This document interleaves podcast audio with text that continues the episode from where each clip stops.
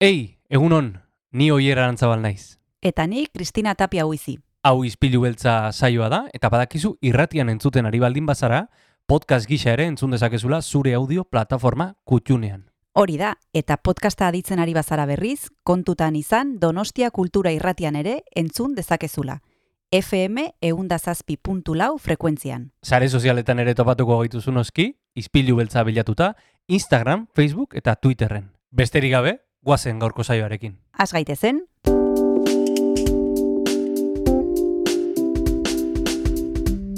Ispilu beltza. Donostiako kulturaren berri, Oyer Arantzabal eta Kristina Tapia buizirekin.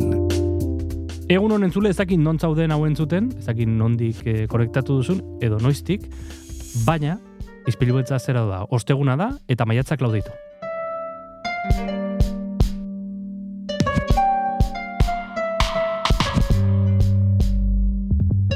Donostia kultura irratian gaude, beste behin, egunero bezala, kulturaren inguruan aritzeko, Donostia eta inguruetako kultura.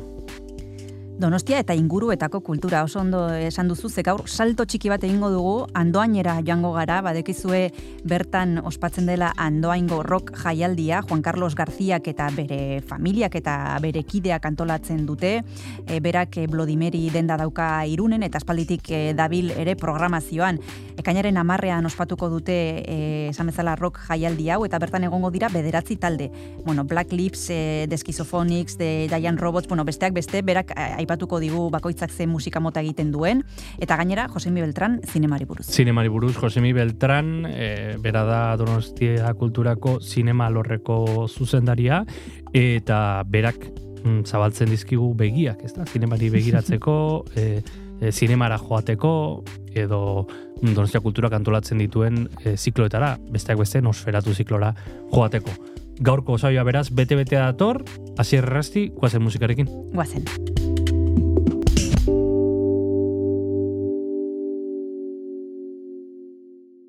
Kaixo entzule, zer moduz dijo astea. Tira, ohartu gabe iritsi da osteguna, eta guk hemendik Donostia Kultura irratitik, ba, ostegun honi erritmo pixka bat jartzeko, eta osteguna, bueno, ba, gogoz, hasteko Ines Osinaga artista izango dugu protagonista datozen minutuetan. 2000 eta hogeita bigarren urtean plazaratu zuen itxasua da bide bakarra albuma, hiru diskoz osaturiko album luzea, eta kasunetan guk eh, lehenengo diskako bigarren eh, kantua izango dugu izpide, bertan eh, Donostiako musikari famatu baten laguntza ere baduelako. E, hain zuzen Ines Osinagak, Olatz Salvador, zuekin gorputzak zubi.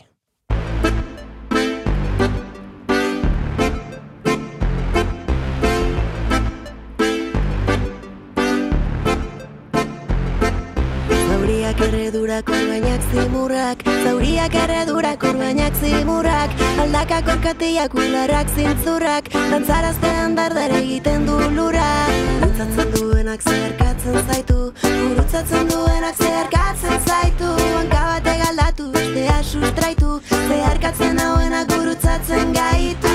Hotxak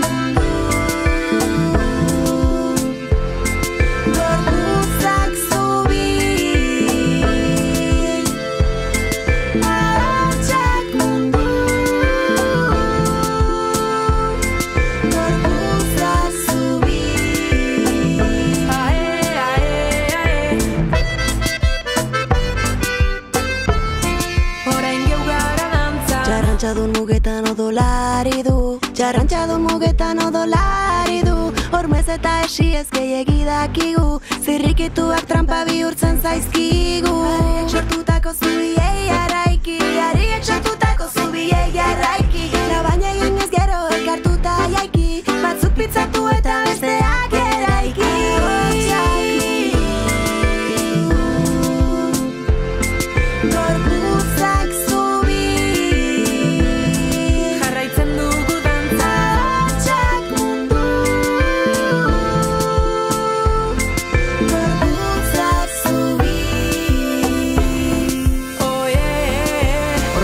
Orbaintzarrenetatik irekitako zauriak Itxasoko urgatzak sendatu dizkigu erdiak. Eta itxasoak beldurra ematen didan arren Hau da horren bilanoan. Bigarren aldia Zeharkatzen gaituzte milioika mobida Bidaiarik gabeko, bidaiaren erdian. Bakoitzaren borrokatik sortu dugu zubi bat. Akure artean gabiltz, sendatzen zauriak Eskerrak bideari, elkartu kaituela Ta normatik atera den identitateari Eskerrik asko zuri, hauen zuten zaudela Gelanetan nadagon, harima triste hori. Belaunak betileak eta esku aurrak Belaunak betileak eta esku aurrak Zilborrak ezkazalak ez derak ez urrak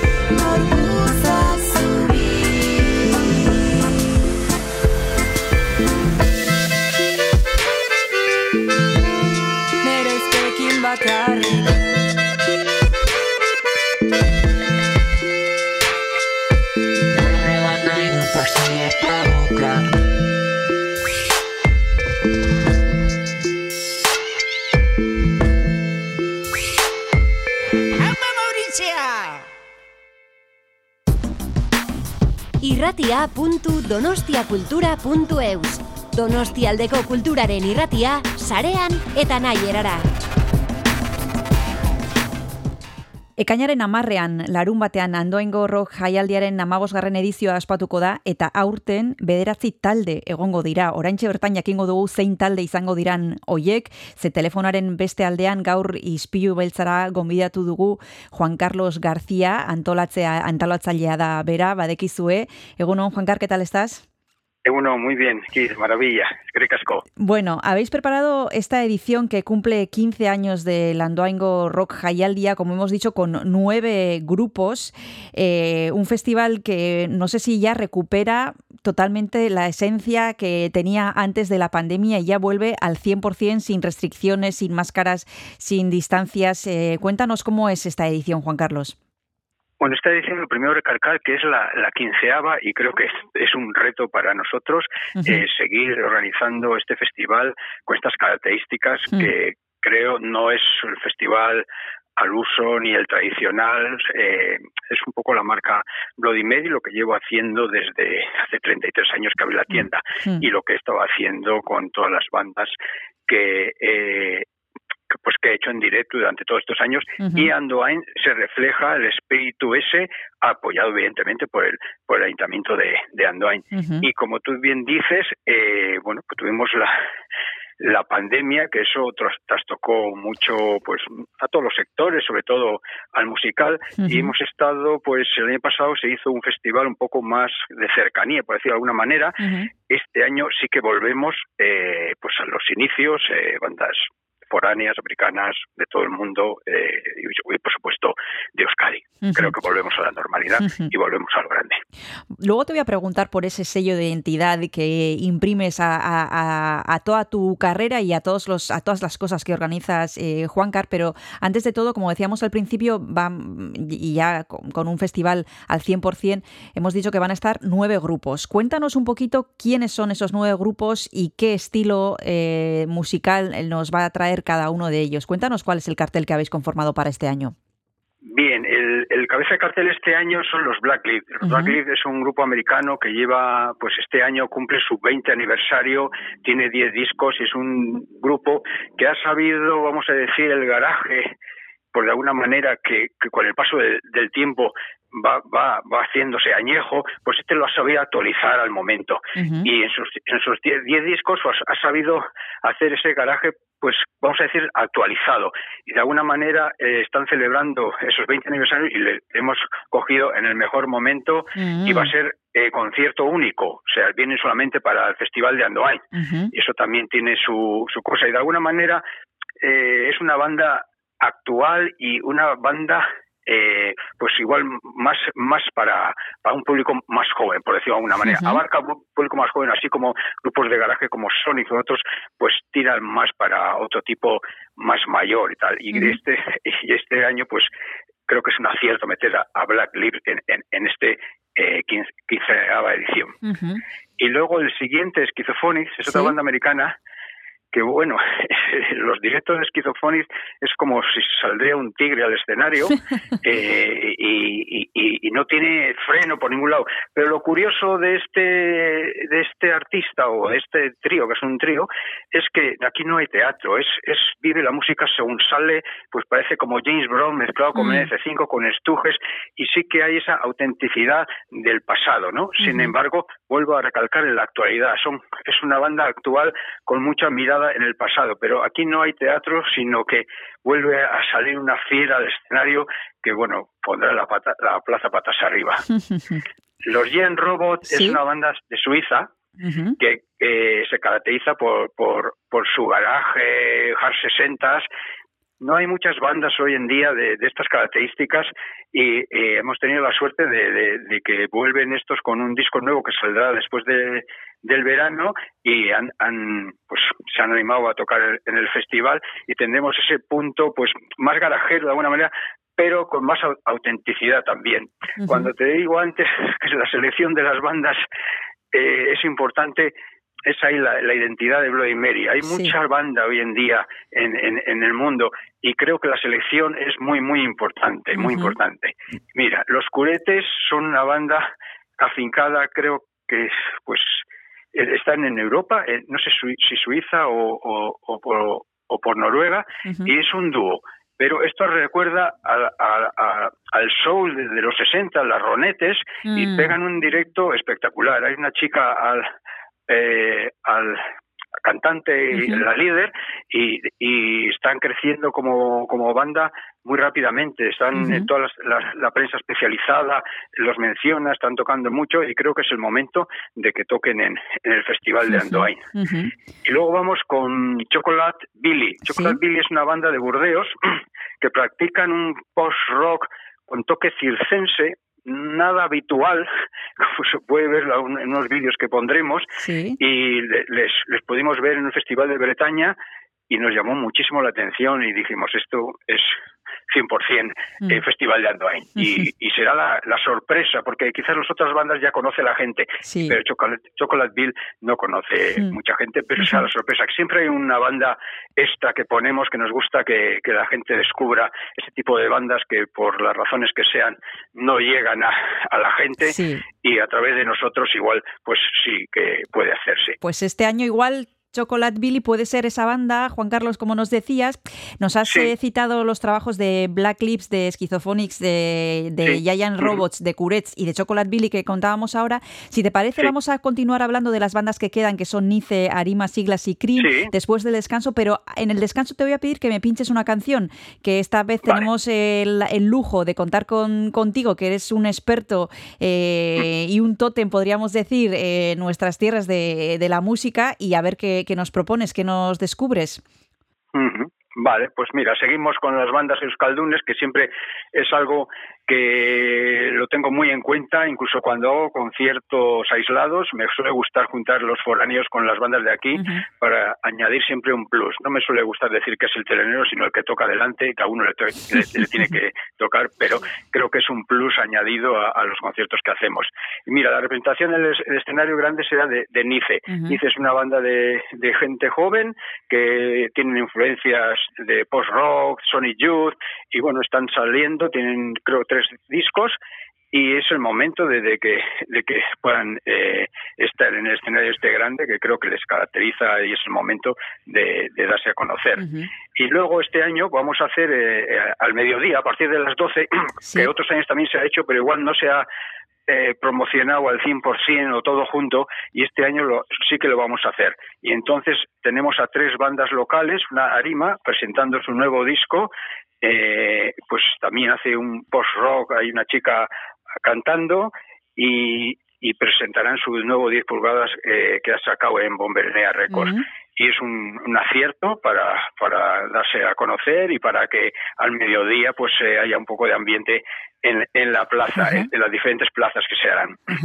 Las siglas es un grupo de Donosti que venía gente de Las Penas y de otras bandas y bueno, hacen una especie de pop, yeye, francés, pues bueno, es muy curioso con teclado y es su debut de eh, han tocado creo uno dos un concierto solamente y, y, es muy, curioso y la verdad que le da una son de Donosti y le da un poco de alma a, a, las, a, la, escena que está un poco paradita en Donosti y, y creo que será el momento de, darse a conocer y poder disfrutar en, en otra de las plazas que, que más adelante eh, daremos ya más detalles.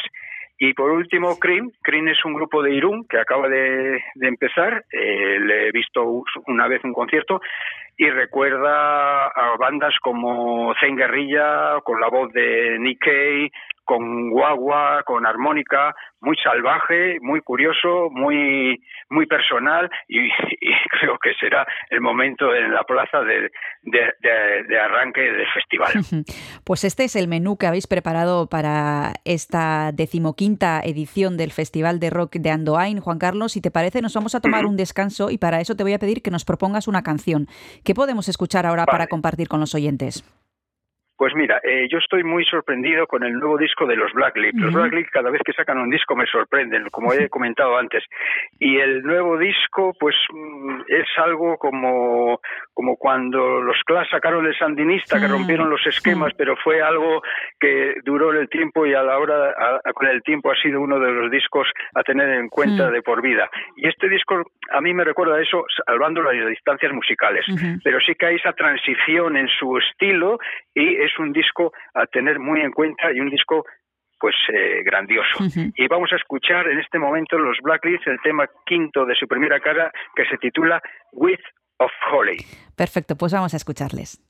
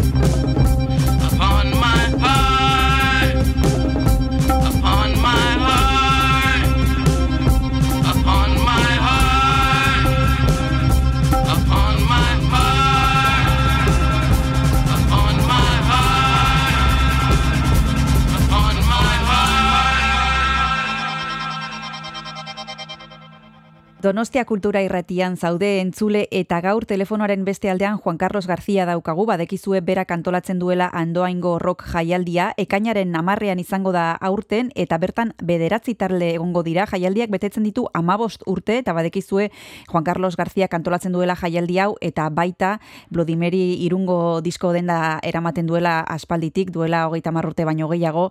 Eh, Juan Carlos, has repasado los grupos y nos has puesto antes el acento en la selección qué importante es hacer la selección para que tenga coherencia con el trabajo que hacéis vosotros, con el estilo que lleváis vosotros. Eh, cuéntanos cómo ha sido este trabajo de escoger eh, quiénes van a ser los grupos que van a participar en, este, en esta edición. Bueno, el trabajo de escoger no es que sea difícil. Eh, la selección de bandas teniendo una tienda de discos y unos conocimientos que desde crío y, y, a diario, pues sí que no es difícil. lo difícil es el, el poder saber que las bandas están libres. Entonces, el, el, margen de tiempo para la contratación no es mucho y después de la pandemia sí que ha habido un boom de, de, de contratación que vas a, reservar las bandas y casi todas están eh, pues ya eh, cerradas en otros festivales. Pero bueno, al margen un poco de eso, hay muchas bandas y la selección la hacemos entre mi familia. Mi familia está metida también eh, bueno, Idoia empezó con Bloody Mary y mi hijo está metido también, entonces lo hacemos un poco entre los tres.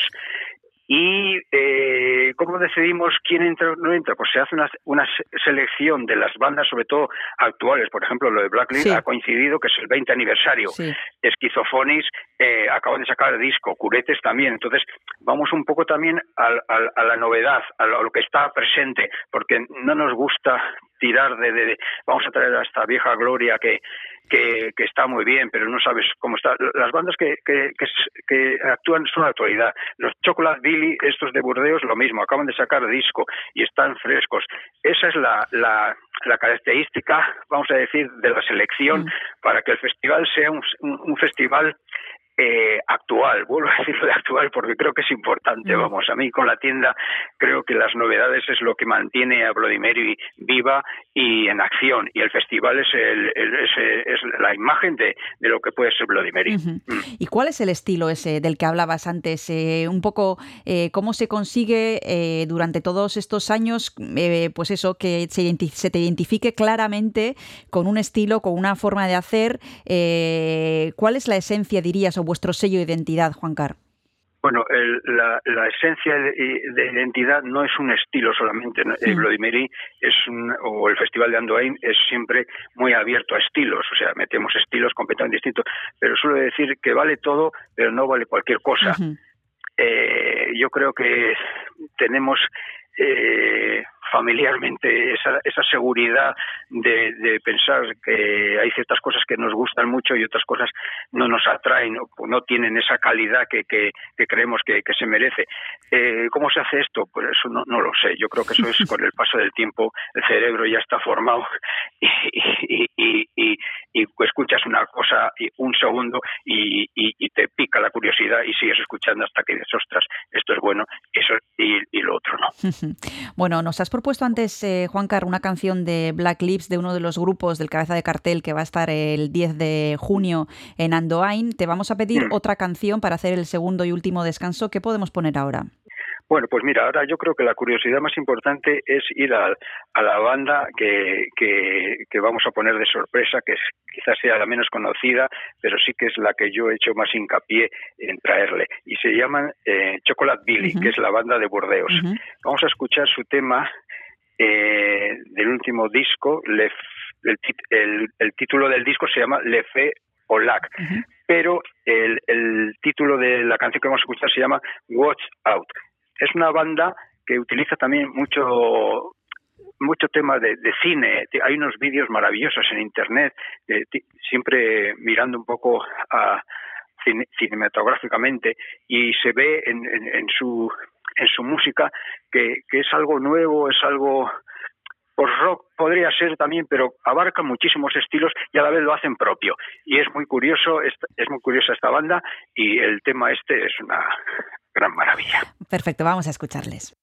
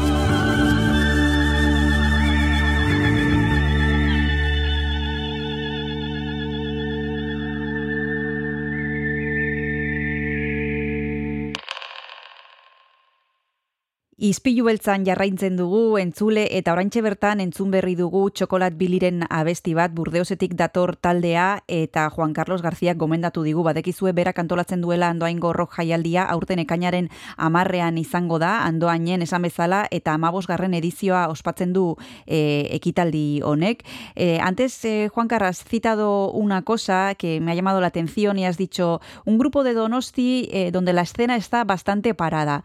Eh, ¿Cómo ves? Eh, tú has programado aquí varios grupos locales, pero ¿cómo ves eh, la escena y también cómo nos ves al público, a nosotros? Eh, ¿También estamos parados nosotros?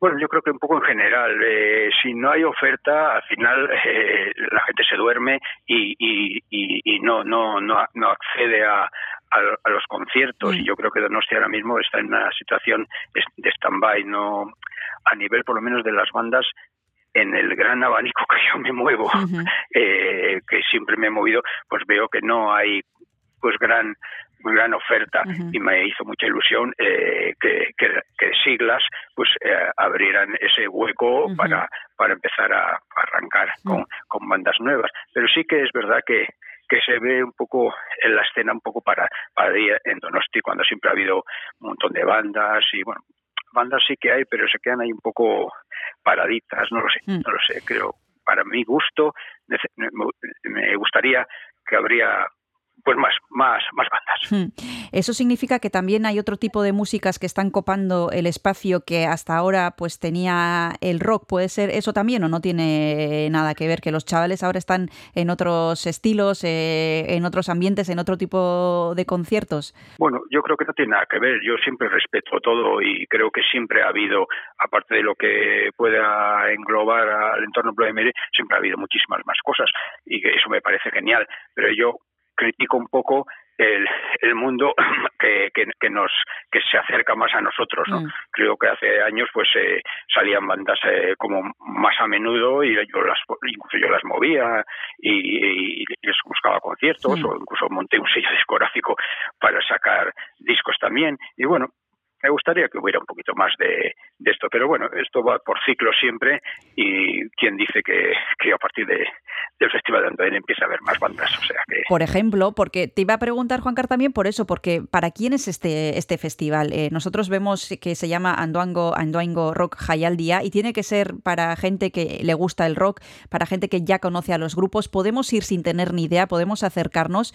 podemos ir con los niños, por ejemplo, a los conciertos de la mañana, porque sí ha sido un festival bastante familiar, con un ambiente muy, muy bueno y a lo mejor puede ser un punto de iniciación para muchas personas que no controlen mucho de esto, ¿no? Exactamente, el Festival de Andoain ya desde la primera edición eh, fue un festival abierto donde funciona todo tipo de públicos, incluso la gente va con sus niños a, a la tarde, incluso la- al mediodía Mm. y a pasar a pasar el día. Y el festival es el de estilos es muy es abierto totalmente y gusta a todo el mundo. Eh, hay que tener la curiosidad, creo que la curiosidad Sí. es la palabra acertada para decir eh, me voy a Andoain que no tengo ni idea quién toca, pero me han dicho que, es, que, que- que es- está de maravilla. Y así surge todos los años. Es lo que más me gusta y lo suelo decir siempre, que, que, que voy a Andoain, no sé lo que voy a ver, pero siempre estoy encantado y la gente, es la opinión de la gente es la que eh, eh, valora el festival de Andoain y la asistencia. Y todos los años es pos- muy positivo declaraciones del público, que siempre respeto muchísimo al público porque creo que sin público no habría nada de esto. Bueno, pues este año, como decíamos, será el próximo 10 de junio. Habrá conciertos desde el mediodía, por la tarde, por la noche, nueve grupos que nos ha ido desgranando aquí Juan Carlos García desde Irún, desde Bloody Mary, que son, vamos a repetirlo, Black Lips, de Schizophonics, de Giant Robots, de Curets, Chocolate Billy, Nice, Arima, Siglas y Crin.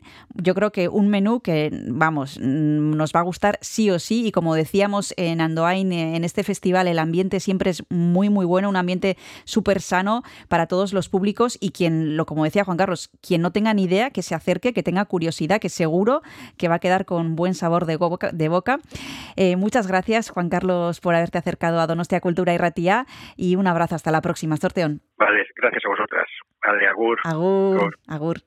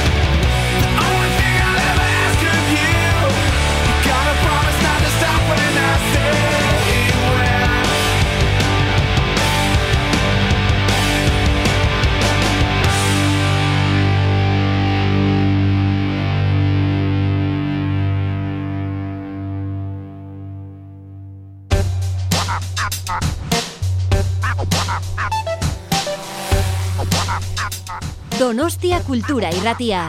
Zabaldu gurekin Donostialdeko kulturaren leioa.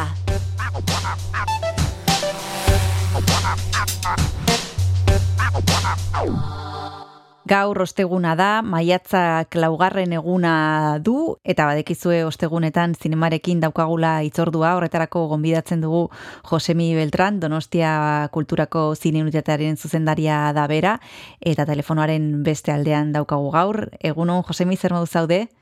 Kaixo, ondo, ondo, ondo. Ja, gizaskubiden zinemaldia pasata, ba, bueno, e, datorren edo rengo erronkak prestatzeko. bueno, orain lasaiago, baina beste gauza batzuk dituzue eskuartean, seguru nago.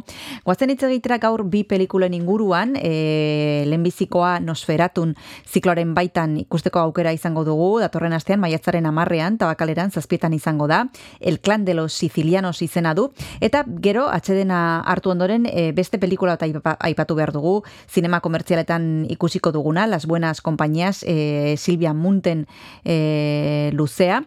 E, Nosferatuko pelikulari buruz, e, Josemi, El clan de los sicilianos, e, Henry Berneiek, e, Bernebilek zuzendutakoa, e, mila beratzireun eta irurogeita beratzigarren urtekoa da.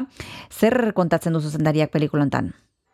Bueno, ba, da lapurketa baten historioa, mm lapurketa baten historioa, e, bitxien lapurketa, eta batez ere e, e gazterren arteko argeman edo borroka baten historia, eh? Mm -hmm. Bi belaunaldi desberdinen arteko e, borroka, e, ja, ikusi genuen e, gure e, e, frantzeko sinema beltzaren zikloan, ja ikusi mm. genuen hau bezalako egoera bat, e, tusepa o grisbi filmean, e, ja, e, bueno, e, urteak pasata, e, orain bestea marka da berri batean, Jan Gaban berriro protagonista, Dai baina kasu honetan, ba, bueno, bere etxaia edo izango da Alan Delon, uh eta lehenengo aldia izan zen film honetan, lehenengo aldia, lehenengo aldiz elkartu ziren Alan Delon, Jan Gaban eta eta Lino Ventura, hiru hiru izar edo e, bueno, ba,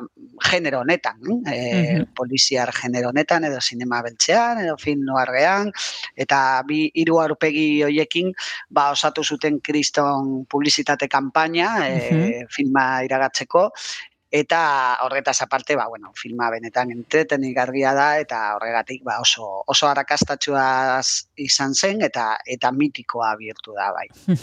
e, zein, ze e, azpimartuko zenuke filmontan, e, Josemi, aipatu ditugu aktoreak, izugarrizko izenak daude, e, zuri zer den zaizu gehien e, pelikula hontan? Bueno, actores aparte, eta entzungo dugu gero, adibidez dago soinu banda. Bai, hori ere aipatzekoa da. Ba, eh, enio morgikonek e, sortutakoa, e, bueno, morgikonek e, genero guztietako e, musikak edo komposizioak egin zitun, eta eta hau dago, bueno, bare, bere agian hiten artean edo, doinua mm. oso e, pegadizoa da, eta entzungo dugu gero. E, eta horretaz aparte, ba, gidoi oso, oso solidoa da, e, bueno, ba, e, nola esan, ba, etekina ateratzeko e, ba, bela, e, aktoren belaunaldi desberdinei. Batez ere, delon eta gabenen arteko ba, bueno, oposizio hori edo, e, ba, kontran jartzea ja jan gaban, ja mito bizirik e, bat zen, eta irurogeita urte zeuzkan, e, ja bere azkenengo e, polarga izango izango litzateke hau, mm eta eta landelon ba justu bere mementu bueno onenean zegoen uh ja ikus, ikusi genun duela gutxi duela ilabete bat edo le samurai e, justu bueno aurreko urteetako ba film ba zan eta eta bueno ja izar berria zen e, eta beste beste garai batzuk ordezkatzen zitun alain delonek uh -huh. e, esan dezeko egu baita ere fin, fil hau estrenatu eta gero, e, bueno, ba, generoa, ba, e, berpiztu zela. Mm. Berpiztu zen eta e, irurogeita, irurogeita marreko amarkadan e, ja, ja, ja, frantzian egun fil inguru ekoiztu ziren e, ba, genero hau esplotatzeko. Mm polizien eta gazterren generoa esplotatzeko, zeren, bueno, hain arrakastatxua izan da, ba, bueno, denetik egon zen, eta bueno, hori ikusiko dugu datozen asteetan, eta gero baita ere udazkenean, e, zikloari jarraipena, jarraipena egiteko. Gero, historian baita, claro, eh, dago el clan de los sicilianos, dago izenburuan, eta, eta bai, da Frantziako pelikula, naiz eta Italiako mafia handago atzean, mm. eh, eta jangaben, naiz eta Italia, oso italiarra ez izan, ba, berak antxesten du, ba, Siciliako mafiaren nagusia, mm, eh, eh, supasatzen da daukatela e, bueno, ba, ba, e, familia, familian italian edo, eta ba, kontua da, ordezkatzen duela, ba, mafia tradizionala alde batetik, eta la, alan delonek, e, ba, bueno, bera da, ba, otxo bakartia, oso berekoia, e, mafioso gazteagoa, eta eta handago, ba, filmaren koska bat, eta horretaz aparte, ba, batez ere, ba, suspenseren, suspenseren e, erabilera. Horentxe bertan jarraituko dugu Josemi pelikula honen inguruan hitz egiten, El clan de los sicilianos, aipatu dugu Ennio Morricone eta tartxetxoa hartzeko nik ezakit bere musika jarri behar duzun. Ba, jakina, dudare gabe hori aitoltu deu eta eta hau da, ba, bueno, e, e, doinu, doinu nagusia e, filmean. Ederki bagoazen entzutera.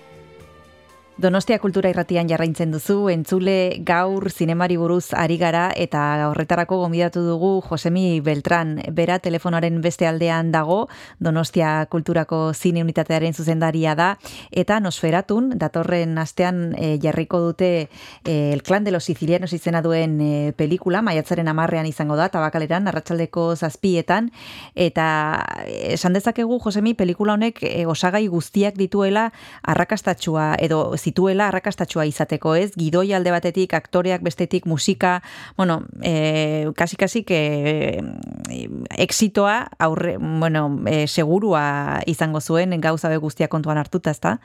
Bai, gaina, esan behar dugu baita, ez dugu aipatu lehenago, baina, bueno, eh, hau beti genero honetan ohikoa zen ba eleberri bat e, egokitzea edo e, eramatea pantailara eta kasu honetan Auguste Le Breton izan zen e, bueno eleberriaren e, egilea, bueno, ez da oso oso ezaguna, eta Andri Berneil e, zuzendaria, baia artesano ezaguna zen, edo, e, e, frantzian genero asko ikutu zitun, e, bai komedia, adibidez, Fernandel e, komiko ospetsuarekin, ja berrogeita marreko amarkadan hasi zen, e, mm -hmm. sinema, munduan, e, eta beste suspensesko beste film batzuk e, sortu sortu zitu, no? Mm bueno, eta eta baita ere lapurketaren asuntoa, no? beti da subgenero bat, ja, bai. polizia regeneraren barruan,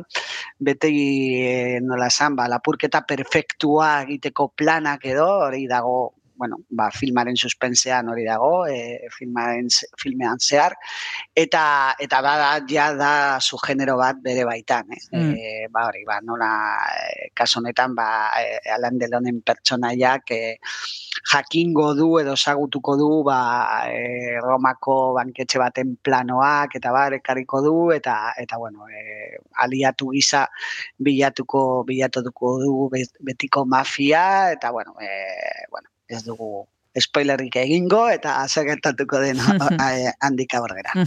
Spoilerrik ez dugu egingo, baina agian aipatu dezakegu norden zuzendaria ze oso izen frantsesa dauka gizon honek, e, gainera ez dudala ongi esaten inoiz, e, baina berez jatorria, bueno, bere familia e, armeniakoa da, bera Turkian jaio zen, oso e, gaztea zelarik e, frantziara ies egin zuten, eta bueno, zer kontatu dezakezu e, Henri Bernel eren inguruan.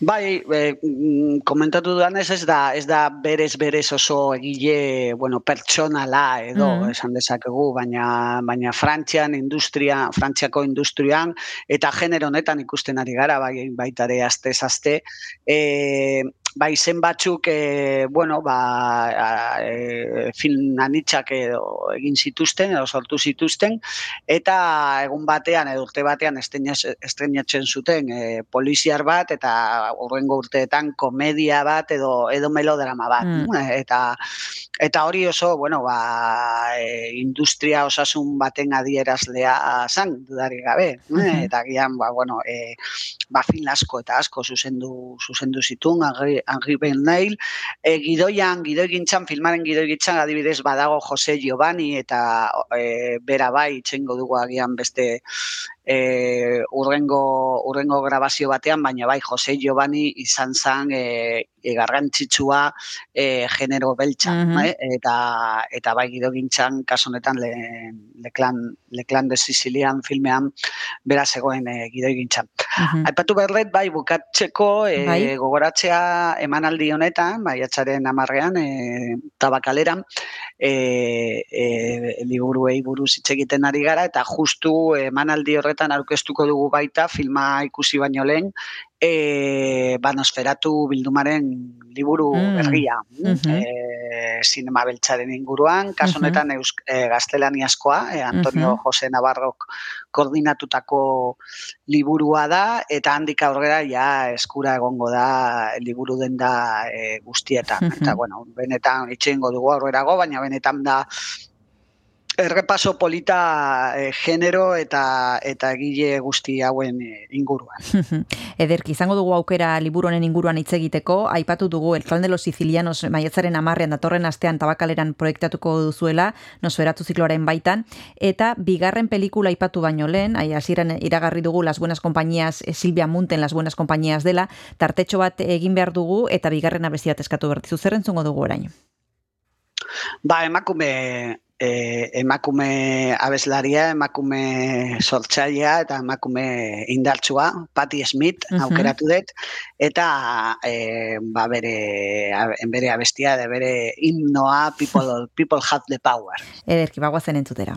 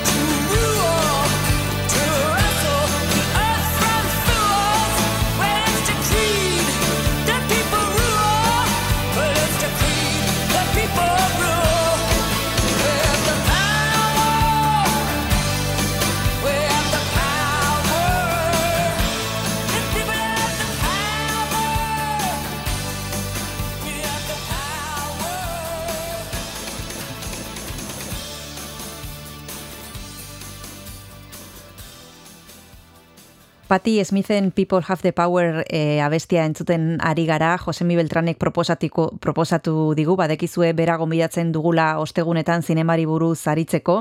Oraintxe bertan bukatu dugu en Clan de los Sicilianos pelikularen inguruan e, hitz egiten eta jarraian e, bere bigarren proposamenak e, izena du Las Buenas Compañías. Silvia Muntek e, zuzendutakoa, emakumeen historia bat e, karri du pantalla haundira. Goazen Josemi pixkat kontatzera e, zer den, e, zein den e, Silvia Muntek erreskatatu duen historia pelikula hontan? Bai, e, justu azte hontan estrenatuko da, e, gizaskubiden zinemaldian ikusi genuen, zail ofizialean, e, eta Euskadin dago kokatuta filma, batez ere bereziki errenterian, e, mila bederatxireon irurogeita amazazpian, eta eta kontatzen duena ba bueno e, benetako historio historio batean oinarrituta da e, emakume emakume talde baten e, bueno aktivismoa e, beste emakume batzuk e, e, laguntzeko e, bueno ba, abortoak egiteko e, Frantzian e, mugaren mugaren beste beste aldean e, justu transizio gara jorgetan, jakina, e, e, Espainian oraindik abortua debekatuta zegoen, eta, bueno, ba, elkartasun, elkartasun, elkartasun naiz bultxatuta, ba, ba, emakume hauek, e, bueno, ba, e, laguntzen, laguntzen zioten beste ba, batzuei. e, eta, bueno, ba, fikzio ikutu batekin, eta eta baita ere benetako histori batean oinarrituta, ba, bueno, e, ikusiko dugu ba neska neska gazteen historia, neska, neska aktivisten aktivista gazteen historia eta baita ere ba bereziki ba bueno e, baten historio pertsonala eta harremana ba bere bere bere amarekin bueno aita bere aita dago e, dago espetxean, eta, bueno, e, bueno ze, ze suposatzen du neska honentzat, ba, deskubritzea elkartasun, elkartasun zare hau bere, bere argian. Aipatu behar dugu pelikulan e, kontatzen duela mila bederatzireun deruro masikarren urteko uda, e, frankismo, bueno, frankismoaren azken urteetan, eta bertan e, Josemik azaldu duen bezala, ba, hainbat emakumeren historiak aipatzen dira, eta horiek gorpuzuta daute besteak beste itziar e, ituñok egiten du paper bat, e, Maria Zerezuelak ikusi genuela e, ikusi genuela nola e, Maisabel e, pelikulan e, eta besteak beste ez, e, izugarrizko elenkoa dauka, eta baita ere, aipatu nahiko nuke e, aurrekoan egin, aurreko pelikulan rekin egin dugun bezala, Paula Olazek egin duela musika, hemen sarritan izan dugu Paula Olaz, badekizu bertako musikaria dela eta soinu bandak egiten dituela, eta ez dakit e, zerbait gehiago azpimarratu nahi duzun e, ze nolako harrera izan zuen pelikula honek e, giza eskubideen zinemaldian, Josemi? Bai, ba, oso, oso ona gainera izan genuen e, gurekin ba, e, errenteriako elkarteko kide batzuk, uh -huh. aretoan, baita ere sola saldian. E, bueno, itxiari tuñok antxesten du ama, e, eta gero batez ere gazteak e, garrantzitsuenak dira Alicia Falco eta eta Elena Tarratz e, dira aktore gazteenak, e, ez dugu aipatu jakina, Euskal Ekoizpen bat dela, e, eta bueno, baita ere ekipo talde teknikoan badago jende asko hemengoa eta, eta, eta batez ere errenterian filmatu du filmatu dela e, beste euskadiko beste leku batzuetan, baina batez ere, ba, bueno, e, benetako historiaren e, lekuan bertan, eh, errenterian. Bestalde Malagako zinemaldian e, irabazizun filmak e, gazta, gazte epaimaiaren e, saria.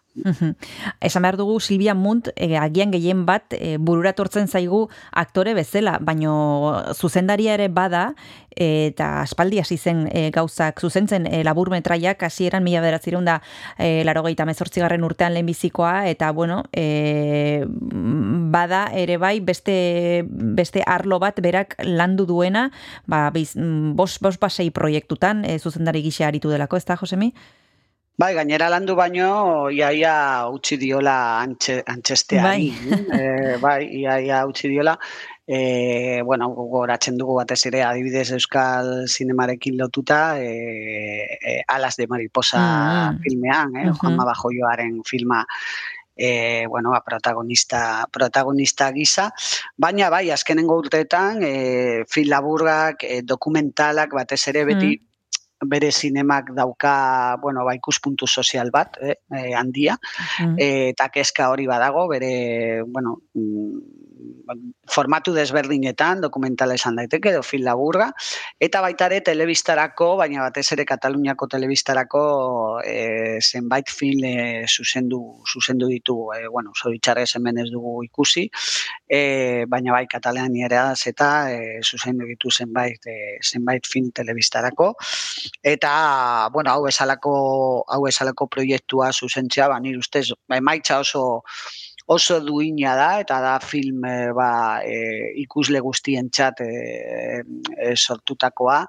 e, bueno, antxe, e, bueno, antxesleak edo oso, oso ondo daude, nire ustez baita ere, bueno, ba, e, e, rekreazio historikoa edo oso ondo egina, Paula Olazen Lana, Gorka Gomez Andreu, argazkilaria, Jorge Gil dago da baita ere bai. gintzan, eh, bai. Silvia Montekin batera, Osa, que nire ustez, bueno, ia, ia, ba, bueno, bai, Euskal, Euskal ekoizpen gisa altu dezakegu, eta, eta beste Euskal ekoizpen gisa e, interesgarria egun hauetan e, eta.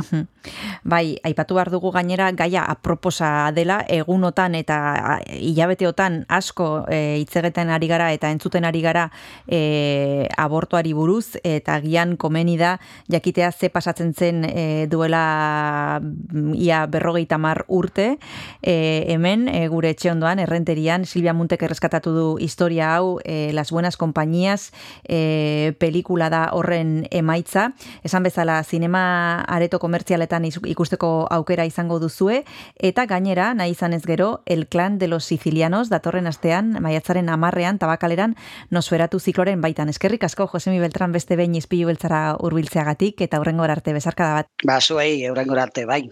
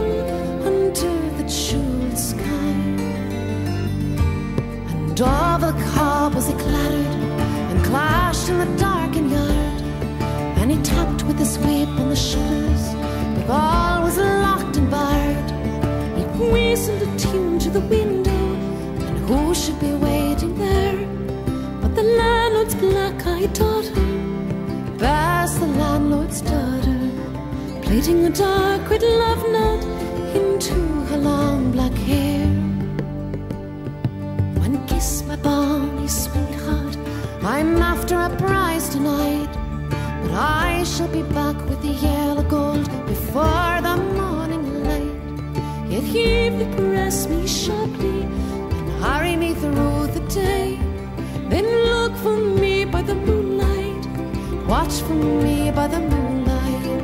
I'll come to thee by the moonlight, who hell should bar the way. He rose upright in the stirrups, he scarce could reach a hand, but she loosened her hair in the casement, his face burned like a brand, as a black cascade of perfume came tumbling over his breast, and he kissed its waves in the moonlight, waves in the moonlight, that tugged at his rein in the moonlight,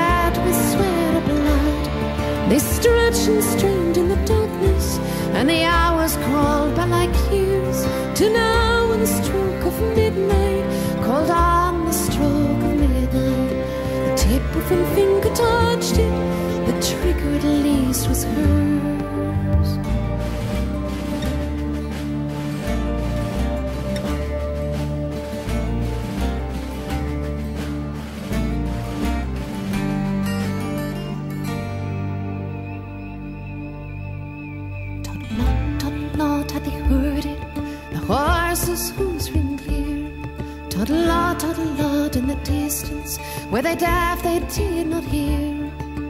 Down the ribbon of moonlight, over the brow of the hill, the highwayman came riding, riding, riding. The redcoats looked to the priming, she stood up straight and still. Toddlot in the frosty silence, toddlot in the echoing night. Nearer came and nearer, her face was like a light. Her eyes grew wide for a moment, she drew one last deep breath.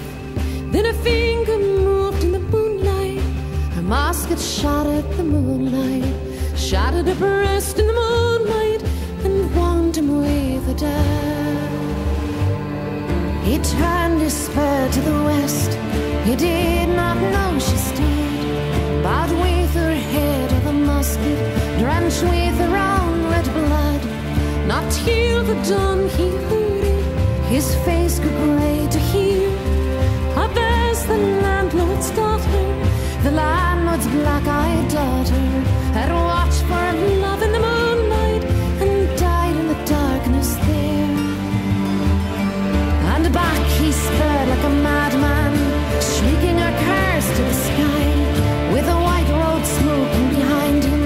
is a Arabia brand time. Let her out with a spoon.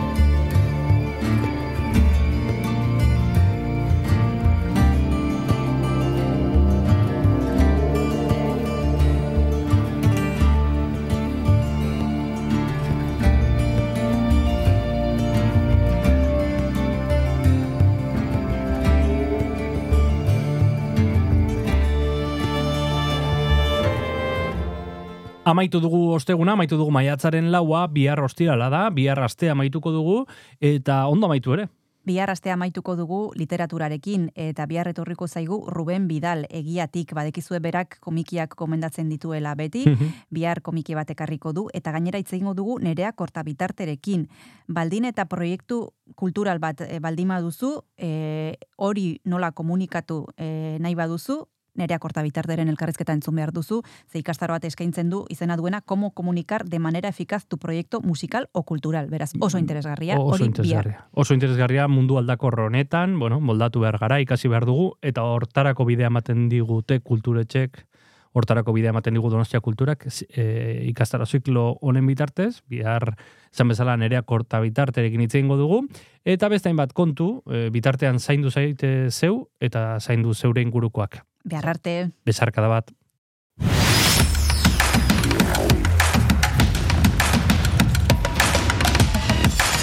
Donostia Kultura Irratia. Zabaldu gurekin Donostialdeko kulturaren leioa.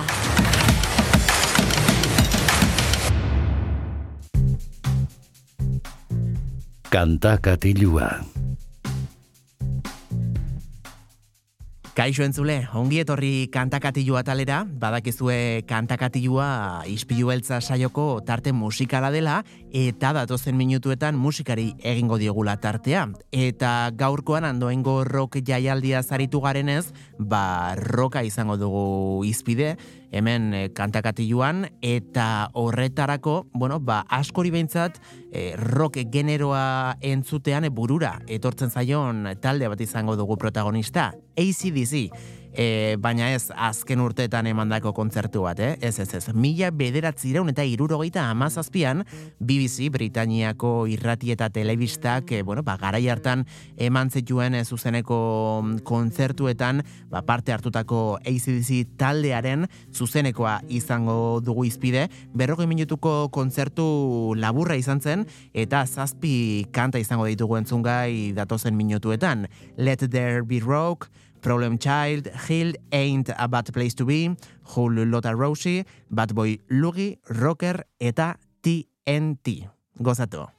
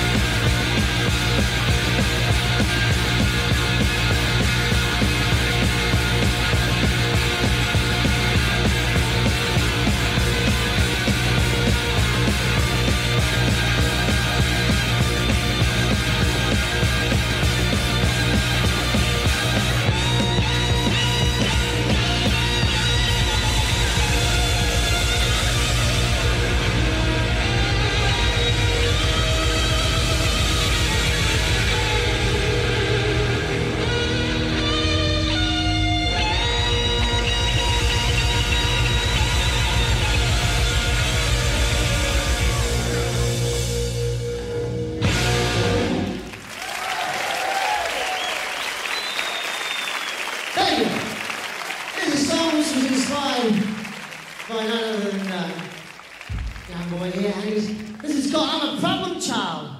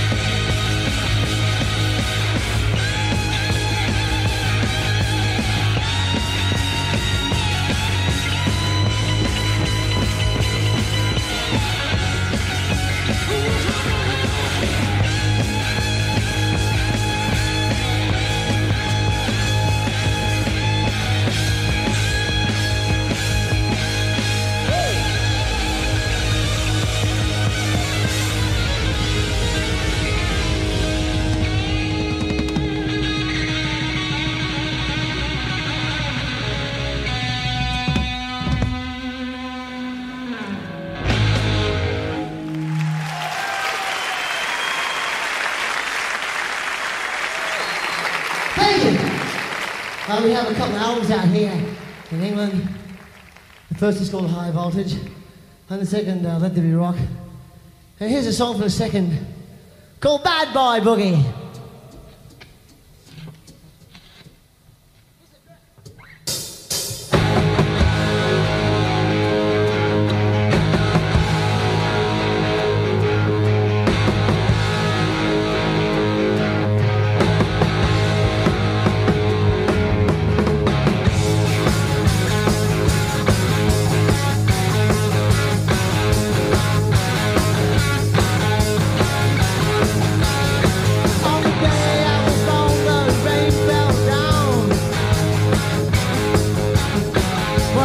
chaval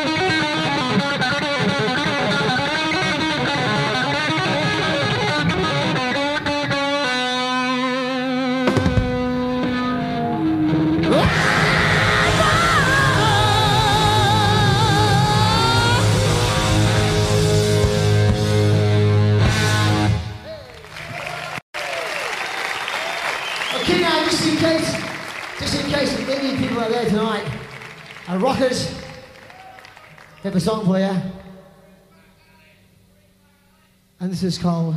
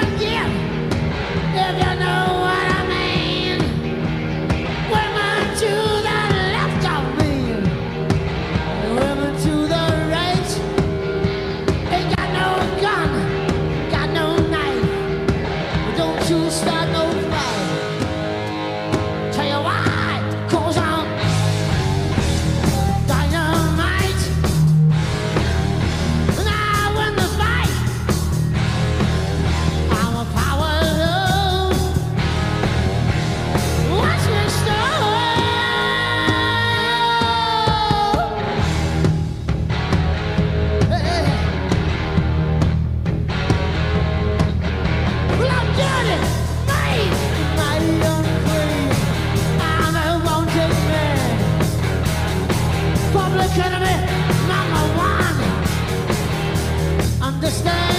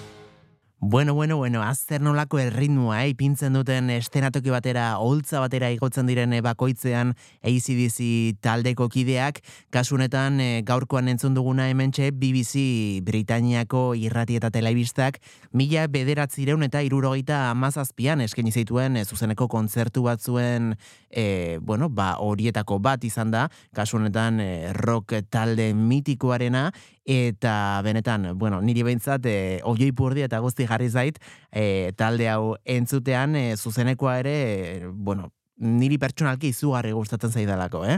Ez delako estudioko talde horietako bat bakarrik. Eta guzti hau esan da, agur esatea besterik etzaigu falta. Bihar e, itzuleko gara, ostirala delako, eta badakizuelako, astelenetik ostiralera, hementxe izango gaitu zuela, Donostia Kultura irratian, zuzenean, goizeko zortziretan, eunda zazpi puntula UFM-ean, Donostia eta Donostia inguruetako herrietan, eta bestela non nahi eta noiz nahi, balde batetik irratia.donostiakultura.eu satarian, eta bestaldetik, bazure podcast plataforma kutxunenean, Spotify, iVoox, Google Podcast, Apple Podcast, e, Pocket Cast, nahi duzun guztietan bila gaitzakezu, hor aurkituko gaituzu eta. Beraz, zuek nahi baduzue, bi arrentzungo gara elkar. Ordur arte, txintxoak izan. Agor!